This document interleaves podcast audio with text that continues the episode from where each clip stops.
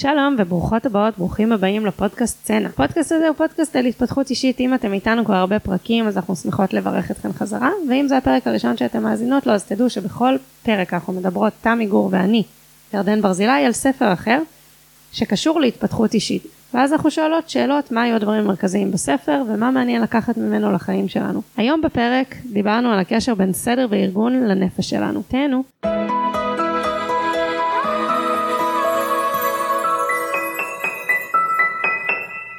היי תמי. היי ירדן. היום הבאתי ספר שנקרא אני בסדר, הבית בסדר, תת כותרת גישה אחרת לסדר וניקיון. כתבה אותו קייסי דייוויס, שהיא פסיכותרפיסטית מוסמכת שהפכה לכוכבת טיק טוק. וואלה. כן, בתחום הזה של אה, סידור וארגון הבית, והיא משלבת בין אה, עקרונות פסיכולוגיים מעצימים עם דרכים מעשיות פשוטות. אה, זה מה שכתוב במאחור של הספר, אבל זה מאוד מאוד מדויק. ובאמת הספר, יש בו שני חלקים, יש בו חלק של אג'נדה, כאילו מה תפיסת העולם שלה בדברים שקשורים לסדר וארגון, בעיקר לחיבור שלהם לנפש שלנו, שזה מאוד מאוד אהבתי, לא קראתי עדיין ספר כזה ככה. אולי בעצם כן, כי גם קון מרי הוא קצת ככה, אבל... כן, זה, רציתי להגיד נכון. דווקא האלמנט של נכון, הקשר בין הבית פעמים, והנפש. כשהחיבור בין סדר לנפש הוא בא בכיוון של איזה יתרונות יהיו לך מלסדר. ופה זה דווקא איזה קשיים הנפש יוצרת על הסדר והארגון של הבית, mm. ובואו נתייחס לזה. והחלק השני הוא, הוא טיפים. וואו, זה אני גם יכולה לעשות. כן. אה, מה, רוצה להגיד על זה משהו?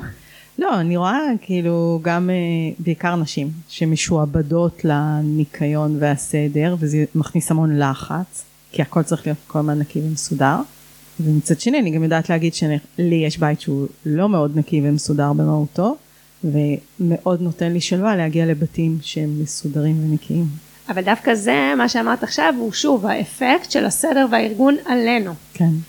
אבל היא, היא התחילה ליצור מתוך הדיכאון אחרי לידה שלה. Okay. אוקיי. על איך הנפש שלנו והסיפור שלה, לא רק המצב רוח, מצב רוח ו- ומצב נפשי זה דברים שהם משתנים, זה צד אחד, אבל הצד שני זה גם איך שאנחנו תופסים, כאילו האישיות שפיתחנו, לא, אני לא אוהבת את המילה אישיות כי זה נשמע מקובע, אבל הסל הנפשי שאנחנו סוחבות, איך הוא מתקשר לאיך שאנחנו מסדרות ומארגנות הבית. לצורך העניין, יכול להיות שחלק מהאנשים האלה שהבית שלהם צריך להיות מושלם כל הזמן, הן סוחבות איתן איזשהו נטל של תוכיחי שאת uh, מספיק ראויה ומספיק uh, מאופסת על עצמך uh, והיא תעשה את זה בדרך של לסדר את הבית.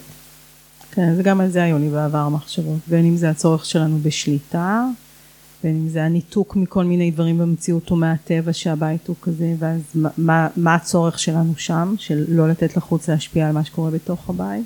מתי אנחנו מזניחות את הבית, מתי אנחנו מטפלות בבית. כן, אז באמת, אה, כן, אז היא מתייחסת לחלק מהדברים שאמרת. אחד הדברים שהכי אהבתי בספר, קודם כל אני רוצה להגיד ברמה אישית שכשאני קוראת על חוויית חיים של אנשים שהיא שונה משלי, אז אחד מהדברים שאני מרוויחה מזה הוא יותר חמלה, כי אני פתאום יותר מבינה, אני כבר הרבה זמן הולכת עם התפיסה שאנשים עושים כמיטב יכולתם. וכל פעם שאני קוראת איזשהו משהו כזה על עוד היבט בחיים, כאילו דיברנו על עסקים ומכירות ועל מיניות ועל סידור הבית ועל ספורט והמון המון היבטים שבהם אנשים נוטים לחשוב כל מיני מחשבות על עצמם שקשורות ב"אני עצלנית", "אני דחיינית", "אני לא מספיק אסרטיבית" או כל מיני דברים ובפועל הדבר שגורם לנו לא לעשות את מה שאנחנו באמת רוצות הוא כל כך חזק בנפש שלנו באמת.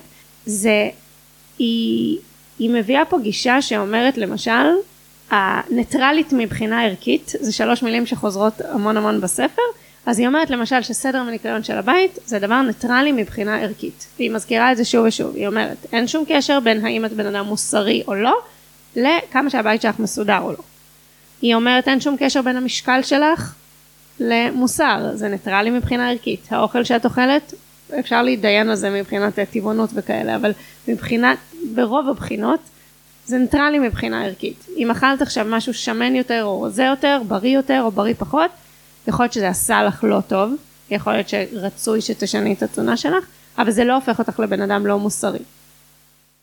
שמוסריות זה הערך היחיד שהיא מתייחסת אליו? כאילו היא אומרת ניטרלי מבחינה ערכית. אין שיפוט, אי שיפוט מוסרי. מה? לא, אני פשוט חושבת, אוקיי, אי שיפוט מוסרי, אבל אה, למשל הרבה פעמים זה מתחבר לנו ל...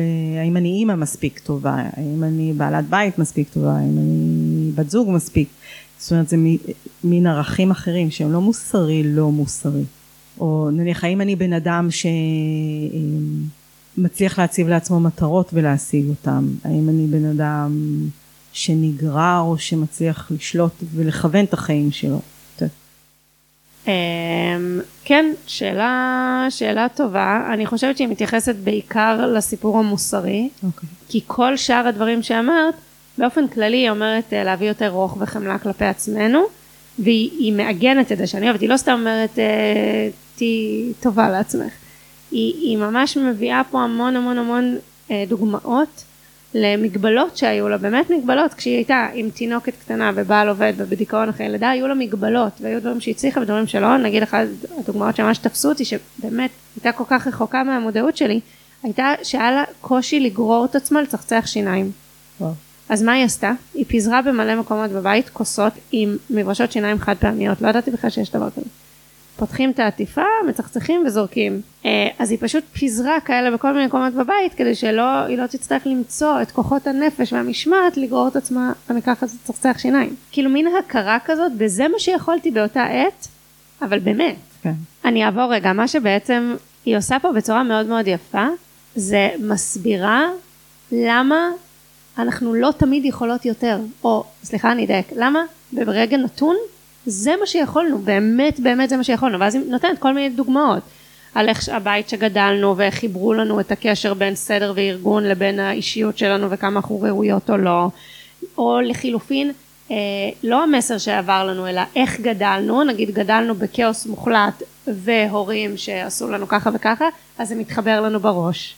הקשר בין כאוס, ואז אני חייבת לפצות על זה כאימא בזה שהבית יהיה נורא נורא מתוקתק, או באמת החיבור בין אה, פחדים וחוסר שליטה או משהו כזה לצורך בשליטה בבית. היא מפרקת המון המון המון חיבורים כאלה אה, ומראה איך זה לא, אה, גם זה הכי טוב שיכולנו לעשות וגם זה לא עניין מוסרי, הסידור והארגון של הבית. אז, אז זה באמת פתח לי ככה להבין עוד יותר לעומק את התפיסה הזאת של אנשים עושים כמיטב יכולתם בכל תחום בחייהם. אבל מה היה מיוחד בספר הזה? כי האלמנט של עושים כמיטב יכולתם ברגע נתון זה אלמנט שדיברנו עליו כבר דרך נכון, כמה ספרים. נכון נכון אבל פה אני לא, אני לא קראתי עדיין משהו שמחבר ככה בין הנפש שלנו לסדר וארגון הבית בצורה כל כך מקיפה קוהרנטית וגם אינטליגנטית זה ספר כזה פרקים קצרצרים כאלה וחלק מהעניין הוא שאם בן אדם רק משתמש בספר כמדריך כרגע היא גם אומרת תדלגו על זה תדלגו על זה עכשיו תעברו לפרק הזה קצת כמו כשבן אדם עכשיו בשקיעה, הספר באנגלית נקרא משהו עם drowning, כשבן אדם עכשיו בשקיעה ולא מסוגל, מישהי לא מסוגלת להביא את עצמה עכשיו למטלות הבסיסיות, כן? היא, היא מדברת פה על כל מיני דברים שהם קשורים לבריאות ולא קשורים לבריאות, שהרבה פעמים אנחנו מחברים. כאילו תדירות הכביסה היא לא כל כך מהר נהיית קשורה לבריאות, לעומת זאת אה, אולי לפתוח שיניים קצת יותר כן. אז... אה, תני אבל אולי דוגמה קצת על מה היא מספרת, כי, כי אני אומרת שוב, זה אלמנט שדיברנו ובכל זאת משהו פה חידש לך, אז אני מנסה להבין מה, מה כאילו היה מיוחד באיך שהיא הביאה את זה? קודם כל נתתי את הדוגמה על המברשות שיניים מוכנות מראש ואז יש עמוד שלם שבו היא נותנת טיפים לאנשים מוגבלי תנועה מכל מיני סיבות איך הם יכולים להזיז נגיד את החומרי ניקיון בבית לשים על עגלה לנקות במקלחת תוך כדי שיושבים על הכיסא כאילו כל מיני דוגמאות כאלה לבאמת למגבלות פיזיות ששוב הן יכולות גם לנבוע מדברים מנטליים היא לא פינה רק לאנשים נכים היא פונה לאנשים גם כשהם בשפל שלהם וכל תנועה פיזית מצריכה מהם איזשהו מאמץ. תראי, נגיד היא מדברת פה, היא, יש לה איזשהו משהו שנקרא חמשת הדברים, זה חמש משימות אה, בסיסיות להתחיל איתן, כשממש המצב רע, כאילו בבית, ואז היא אומרת, אז יש לה, אה, יש לה רשימה של אה, חמישה דברים, שהיא, חמש פעולות שהיא מציעה להתחיל איתן כשהמצב ממש ממש רע, אז היא אומרת, קודם כל תעשו את החמש פעולות האלה, אפילו לא ברצף, שתביני שהפעולה הראשונה שם היא לעבור עם שקית זבל בבית ולאסוף שאריות של אוכל מפוזרות בחדרים וכל מיני דברים כאלה. עכשיו, אני, אני לא הגעתי, תודה למי שצריך, למצב כזה. וזה כל כך לא היה במודעות שלי שאנשים מגיעים ממש למצבי קצה משמעותיים, גם uh, תברואתית וגם, uh, את יודעת, מבחינת uh, נוחות המחיה בבית והבריאות שלהם, ובטח בסדר וארגון שזה כאילו כבר עשר רמות מעל. אה, לכזאת רמה בסיסית של חוסר תפקוד שצריך קודם כל לזרוק, לפנות זבל מהבית. ו... שיש לי שאלה רגע, כי אני מרגישה שאני לא כל כך מבינה על מה הספר, במובן, הספר הוא בא להסביר את הקשר בין המצב הנפשי למה נראה בבית, כאילו איך הבית הוא ביטוי למצב הנפשי, או הוא בא לתת טיפים לכשאנחנו בשפל, איך בכל זאת... אה, אופציה ב'. אופציה ב', אוקיי. כן, כן. ואז כשהיא נותנת את הטיפים לאנשים שנמצאים במצב הזה, שמה זה מצב הזה? זה סקאלה, כן? זה סקאלה כן. ענקית.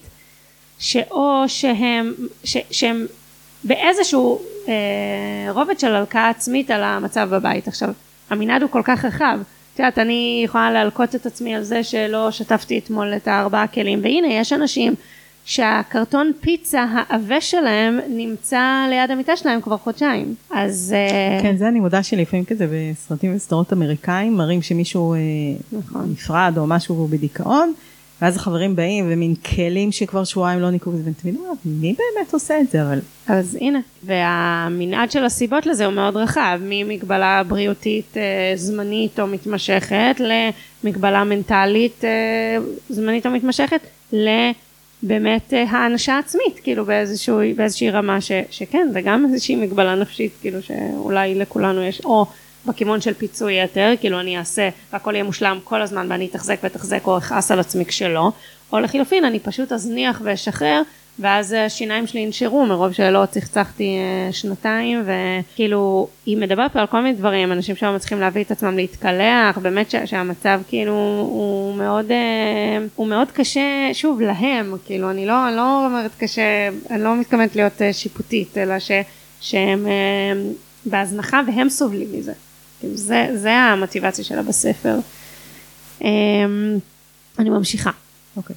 אז uh, עוד דבר שאהבתי שהיא מדברת עליו, וזה משהו שאני מאוד מאוד מתחברת עליו בכל תחום בחיים, ואוהבת שהיא מביאה את זה גם בעניין הזה, זה שיש לנו המון קיבעונות על איך דברים אמורים להיות. היא נגיד מביאה פה בפרק על כביסה, אחת הדוגמאות שהיא הביאה זה שהיא הפסיקה לשים בגדים נקיים בארון. היא ממיינת את ה... יש סלים של כל אחד, יש להם מקום בבית, היא לא מקפלת ולא אה, שמה בארון. אה, ואז כל בן אדם שצריך בגד נקי, במקום לגשת לארון שלו, ניגש לסל ולוקח אותו. עכשיו, סתם, את יודעת, זה דוגמה אחת, אבל יש באמת, אה, יש המון דוגמאות, גם על, אה, גם על סטנדרטים, זה כאילו דוגמה לסטנדרטים, זה כאילו לא מספיק טוב להשאיר את זה בסל, צריך לשים את זה בארון, אבל יש גם סתם דוגמאות ל- לחיבורים אה, שהם לא בהכרח חייבים לבוא יחד, כאילו, אם כבר שוטפים את הכלים חייבים לשטוף את כולם. לא, אפשר גם לשטוף חלק, אפשר לשטוף את האחים הנוכחים ולהשאיר את היותר נקיים למחר, סתם דוגמה.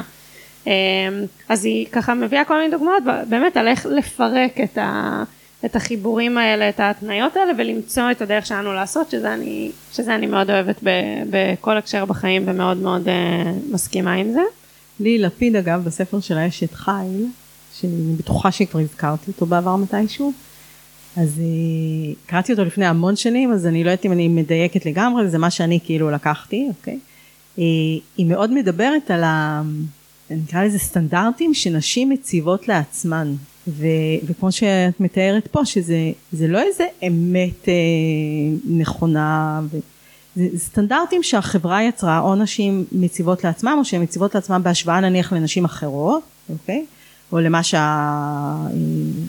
האימא של הבן זוג מצפה או מה שזה לא יהיה והיא גם מדברת על זה שזה גם רציתי לשאול אותך אם היא מדברת על זה על זה שאני מציבה לעצמי סטנדרטים למשל אני לא מצליחה לעמוד בהם היא טוענת שהרבה פעמים זה ממש לא מעניין אף אחד אחר זה רק אני נאבקת בסטנדרטים האלה אף אחד אחר לא נורא שם לב אבל כשהם לא שמים לב אז הם גם לא נורא אסירי תודה ומוקירים את מה שעשיתי ואז אני עוד יותר מבואסת כי גם עשיתי כל כך הרבה ואף אחד לא, לא שם לב ולא מעריך את זה וכאילו יש איזושהי מעגליות אני חושבת גם בלהציב לעצמנו סטנדרטים אבל גם הפוך כשאנחנו נניח לא עומדים ב...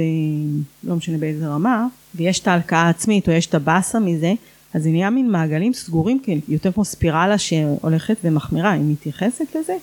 אה, לא יודעת אם ככה לא כי זה מעניין כי זה נשמע לי שקודם כל שאני צריכה לקרוא את הספר את אשת חיל וגם יכול להיות שאני טועה פה ואני חוטאת אבל כאילו מה שעלה לי בראש מה שעלה לי בראש זה שלי לפיד היא חיה אה, חיים אה, נורמטיביים נקרא לזה או פריבילגיים אפילו אני עושה פה אה, מירכאות לא רואים את זה. ברי מזל. ושמה שקייסי דייוויס מדברת עליו זה סקאלה הרבה יותר רחבה של מקומות של אנשים ואז אני לא אני אני לא יודעת אני צריכה אני צריכה לחשוב על זה האם מה שאמרת עכשיו זה מה שהיא מדברת עליו בספר, אני לא בטוחה. זה כאילו נשמע לי כמו אולי קצה אחר של הסקאלה. אבל אני... נכון, נכון, זה מיקומים אחרים, אבל הרעיון של אנחנו מציבים סטנדרטים או החברה, ואנחנו לא שואלים את עצמנו האם זה בהכרח הדבר הכי טוב עבורנו, או חייב להיות ככה, ואז אנחנו לא מרוצים אל מול הסטנדרט הזה. כן. כן משותף, אני חושבת. כן, נכון. נכון. וזה מחבר אותי לעוד משהו שהיא מדברת עליו, שזה גם אהבתי שהיא מקשרת את זה לתחום של סדר וניקיון, ש, שכל הדברים האלה אמורים לעבוד אצלנו. אף אחד, אני לא אמורה לעבוד אצל הבית, אני לא אמורה לעבוד ברשימות שיצרתי לעצמי, אני לא אמורה לעבוד אצל הסדר יום שלי או אצל הטבלת מאכלים שעשיתי, לא לא, כל הדברים האלה אמורים לעבוד בשבילי. אם אני מתחילה להשתעבד לרשימה כי התחייבתי וזהו אז אני חייבת? לא לא. אם הרשימה הזאת עוזרת לי לממש את הרצונות שלי, סבבה. ובגלל זה היא אומרת, היא, זה מתחבר לשני דברים. אחד, אה, לבחינה מחדש של הדברים שמשרתים אותנו באופן כללי, לוודא שהסביבה שלנו והדברים שאנחנו משתמשים בהם והעזרים הם משרתים אותנו. ואם לא, אפשר לזנוח את זה. אז זה צד אחד. הצד השני הוא לגבי הגנריות של טיפים בעולמות האלה. הרבה פעמים שומעים מומחים, וזה יצא לנו לדבר, נותנים מתכונים לדברים. עכשיו, החטא הגדול שבזה, זה שזה באמת לא מתאים לכל אחד. והתסכול הוא יכול להיות מאוד מאוד גדול. עכשיו, תראי, זה, זה, אני מתעסקת הרבה בשיווק לאחרונה, במיוחד של, אה, אני מסתכלת על נשים נותנות שירותים. אז מצד אחד אני רוצה להגיד דברים שפונים לקהל יעד שלי, שיעזרו להם להבין שכן, זה אפשרי להם להיחלץ מהמצב הלא רצוי שהן נמצאות בו. אז אני רוצה להגיד להם הנה יש דברים שאפשר לעשות ואת יכולה.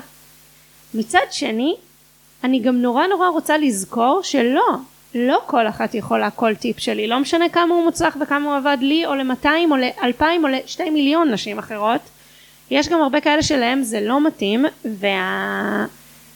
גם החשיבה הביקורתית שלנו כמובן על מה עובד אה, ומה לא אבל גם כשאנחנו רוצות לסייע ולתמוך לאנשים סביבנו שנמצאים למשל בתסכול סביב הסדר והארגון של הבית אז uh, להחזיק להחזיק בראש את הדבר הזה זה את יודעת טוב זה משהו שאנחנו מדברות עליו הרבה ושאני באמת עוסקת בו הרבה באיך אנחנו מציעות עזרה שהיא פוגשת את הבן אדם איפה שהוא נכון. שכן מרוממת אותו אבל שאני אומרת יש משהו שעבד לי את רוצה לשמוע מהו ואז אני גם מוודא שהיא בכלל רוצה עכשיו טיפ וגם מציעה ואני סומכת עליה או על, עליה יחד עם עזרה שהיא תברר האם הטיפ הזה טוב לה או לא.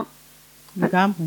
אה, זה מזכיר לי שאלה שמאזינה פעם שאלה אותנו, אה, כי מצד אחד פה את אומרת אה, לזנוח את הרשימות והזה, מצד שני הרבה מהספרים שהבאנו הם כן מאלה שנותנים מתכונים, חמישה הרגלים של, או ומישהי באמת פעם שאלה אותנו אז איך אני בוחרת בן? ואני חושבת שזה מתחבר למה שאת אמרת עכשיו של אה, כל הדברים האלה הם כלים לסל הכלים שלנו.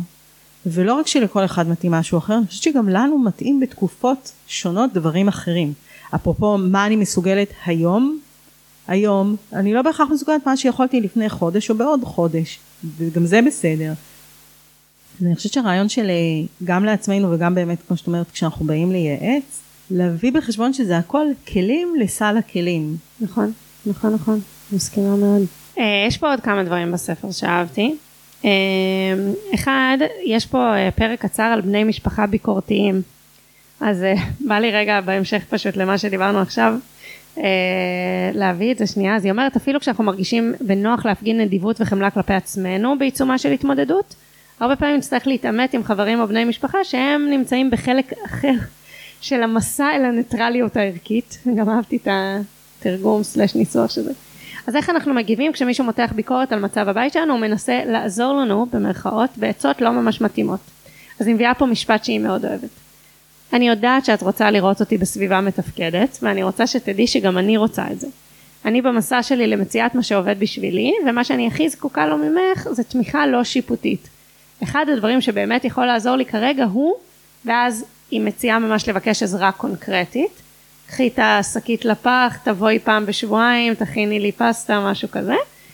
אבל היא אומרת שאם זה לא רלוונטי, ויש מישהו שממשיך אה, ככה ללחוץ, או שאני לא רוצה לבקש עזרה, היא מביאה פה עוד שני משפטים. תודה רבה על הדאגה, אבל אני לא מוכנה לקבל הערות על הנושא הזה כרגע, שזה מאוד אהבתי. ועוד אחד שהיא אומרת שהיא הכי אוהבת, המפתח לזה שאני מסוגלת להתחיל לנהל בית מתפקד היה כשהפסקתי לדבר לעצמי באופן שבו את מדברת אליי כרגע. זה מאוד אהבתי. אני יכולה להוסיף שלפעמים גם השאלה, איך את חושבת שמה שאת עושה עכשיו, או אומרת לי עכשיו, עוזר לי, או מקדם אותי. שזה גם, לפעמים אנשים באמת, את יודעת, הם עושים את הדברים מהמקום שלהם, במקום מהמקום של מי שמולם. כן, אבל כשאת משאירה את זה בסימן שאלה, זה לא מציב גבול. אם את שואלת, אם את, שואלת את זה, אז תבואי פתוחה לשמוע, אולי היא חושבת שהיא באמת עוזרת לך. אחרת, תגידי, מה שאת עושה כרגע הוא לא עוזר לי. נכון, אני פשוט אומרת, לפעמים אנחנו רוצות להציב גבול, ולפעמים זה, אני לא רוצה להציב את הגבול, אני באמת רוצה רגע שהיא תעצור ותשאל את עצמה, כי זה דרך... לחנך אותה. לחנך זה מילה שיפוטית בעיניי. לא לחנך אותה, זה לעזור לה ללמוד משהו באמת. באמת לראות אותו, לא על ידי זה שהצבתי גבול, כן. שלפעמים גם מעורר התנגדות, אני מאוד בעד הצבת גבולות כפי שאת יודעת, אני רק אומרת גבול הוא לפעמים מעורר התנגדות או משאיר את הצד השני באוקיי אז אני אקח צעד אחורה. הוא לא בהכרח מגייס אותו ללהבין משהו אחר ולראות איך הוא יכול להתנהל אחרת מולי. אז אני למרות פשוט... שבמשפטים שלה היא די כן... אה, זהו, חשוב לי להגיד שמבחינת כן, כן. הניסוח, יותר רוצה להגיד, מה שאת עושה עכשיו גורם לי להרגיש ככה, ואני לא רוצה שתעשי את זה, בעיניי זה, זה עדיף מאשר השאלה. אבל אנחנו יכולות אה, גם אה, לא להסכים על זה. אה, היא מביאה פה... אבל למה? כאילו אנחנו יכולות לא להסכים אבל פשוט שאני אבין למה. אני חווה את השאלה כפאסיב אגרסיב. אם אני שואלת שאלה שאני לא באמת רוצה לשמוע את התשובה על הסלאש לא באמת מתעניינת או חושבת מראש שאני יודעת מה התשובה, אז אני חושבת שעדיף לא לשאול שאלה. אבל זה לא המקום, את שואלת את השאלה א' כדי לשקף לה ושהיא תחשוב וב' כי יכול להיות שדרך התשובה שלה תוכלי לעשות עבודה איתך או איתה וכן לקדם את זה למקום יותר מועיל, זה לא בשביל להראות לה את רואה שאת בעצם לא, שמה- בסדר, אם אני באמת פתוחה לשמוע את התשובה שלה, אז סבבה. אז, אז אני בעד. אצלי שאלות זה תמיד באמת כדי לרצות לשמוע את התשובה. לא, אבל לא שאני חושבת שאני יודעת מה התשובה, ואני חושבת שדרך זה ישתקף לה משהו והיא תלמד לקח. לא. אצלי תמיד שאלות הן בכנות לשמוע מה התשובה. אוקיי. אמ, דימוי שהיא הביאה פה והוא מוצלח בעיניי להחזיק בראש, היא מדברת על סדרי עדיפות, שזה כאילו, בסדר, לא שיח חדש, תתעדפי, לא בהכרח הכי חשוב שגם זה יהיה מסודר וגם זה יהיה מסודר, שגם זה יהיה נקי וזה יהיה נקי, אבל היא מביאה פה איזשהו דימוי יפה, אה, של, אה, ששאלו אה, מישהי איך היא מצליחה להחזיק את כל הכדורים באוויר. ואז היא אמרה, יש כל מיני סוגים של כדורים. יש כדורי זכוכית ויש כדורי פלסטיק. את הכדורי פלסטיק אני יכולה לשמוט, את הזכוכית לא. אז להבין מה זה הכדורי זכוכית, אה, לא יודעת, לצורך העניין אה, אוכל לילדים שלי זה כדור זכוכית. כאילו אין לי, אני לא יכולה, גם כשאני במצב מאוד קיצוני, אם חלילה אין לי איך להיעזר, אני חייבת לדאוג לאוכל לילדים שלי. אה, אבל יש הרבה כדורי פלסטיק, ואז היא אומרת, לכדורי פלסטיק אפשר לתת להם להישמט. והדבר האחרון, שהוא פשוט נושא שנורא נורא מעסיק אותי, וזה לא שהיא נתנה לי תשובה וזה פתר אותי, אבל אני כן חושבת על זה הרבה. היא מדברת על העניין האקולוגי, בכל מיני היבטים. אחד, זה ש... אפרופו מברשות שיניים חד פעמיות מכל הבית אגב. לגמרי, לא, וזה זה ממש נוכח פה בספר העניין האקולוגי, היא לא מתעלמת מזה בכלל, היא מביאה את זה בכמה היבטים. היא אומרת, לפעמים יש לנו תרומות שאנחנו צריכים למסור, והן יושבות בבית, ויושבות בזה, היא אומרת לזרוק. כאילו, רגע, זה דוגמה אחת כבר, אה. לא הבנתי. אוקיי, אז מאיזה לא כיוונים? הצלחת היא לתרום, תזרקי. אז איך זה מתחבר לאקולוגיה? היא אומרת, הרבה פעמים השיח הפנימי, הדרישות מעצמי נורא נורא גבוהות, ואני חייבת תוך כדי עכשיו, שהילד שלי במצב בריאותי ככה וככה, גם להציל את העולם מבחינה אקולוגית. ואז לא מספיק שיש לי את ההתמודדות הבריאותית שלי, או של מישהו שאני סועדת, אני עוד מרגישה רגשות אשם שאנחנו מייצרים זבל עם השקיות של המכונת הזנה, או עם הקופסאות אוכל החד פעמי, או עם מה שזה לא יהיה, והיא אומרת, הרבה פעמים ענייני בריאות הם קשורים בלייצר זבל, כי. התפיסה לפחות, ואני חושבת, אני לא ידוע לי אחרת, היא של היגיינה, ואז צריך את החד פעמי ולהחליף. אז היא אומרת, היא משתמשת שם בזה, היא אומרת, לא צריך להציל את העולם מתוך דיכאון. עכשיו זה כזה סלוגן, אבל הסדרי עדיפות של להצליח לשמר רגע את המצב המנטלי שלנו סביר, ולא להוסיף לזה שאנחנו גם בהתמודדות בריאותית וגם כן סבבה עם שאיפה לאקולוגיה אבל את הרובד הקשוח הזה של ההלקאה העצמית אני מודה שזו סוגיה שמעסיקה אותי והיא פה היא אומרת את עמדתה לגבי הסדר עדיפות בתור אחת שהייתה בדיכאון ולא הצליחה לצחצח שיניים היא אומרת כן העדפתי לייצר את העוד זבל של המברשות שיניים האלה שלא היא לא חושבת שזה טוב והיא בהחלט הייתה מעדיפה לא לייצר את זה אבל בנקודת זמן הזאת זה מה שהיא בחרה. וכשהשקיות לתרומה עמדו שלושה חודשים באמצע הסלון של הבית שלושים ומשהו מטר עם שני ילדים לא משנה זה לא זה לא בהכרח הסיפור שלה אבל כאילו ליצור סדר עדיפות גם בעניין הזה. כאילו שאנחנו המצפן האקולוגי הוא חשוב היא לא אומרת לוותר על זה אבל היא כחלק מהחמלה העצמית היא אומרת אה, להקל על עצמנו בעניין הזה.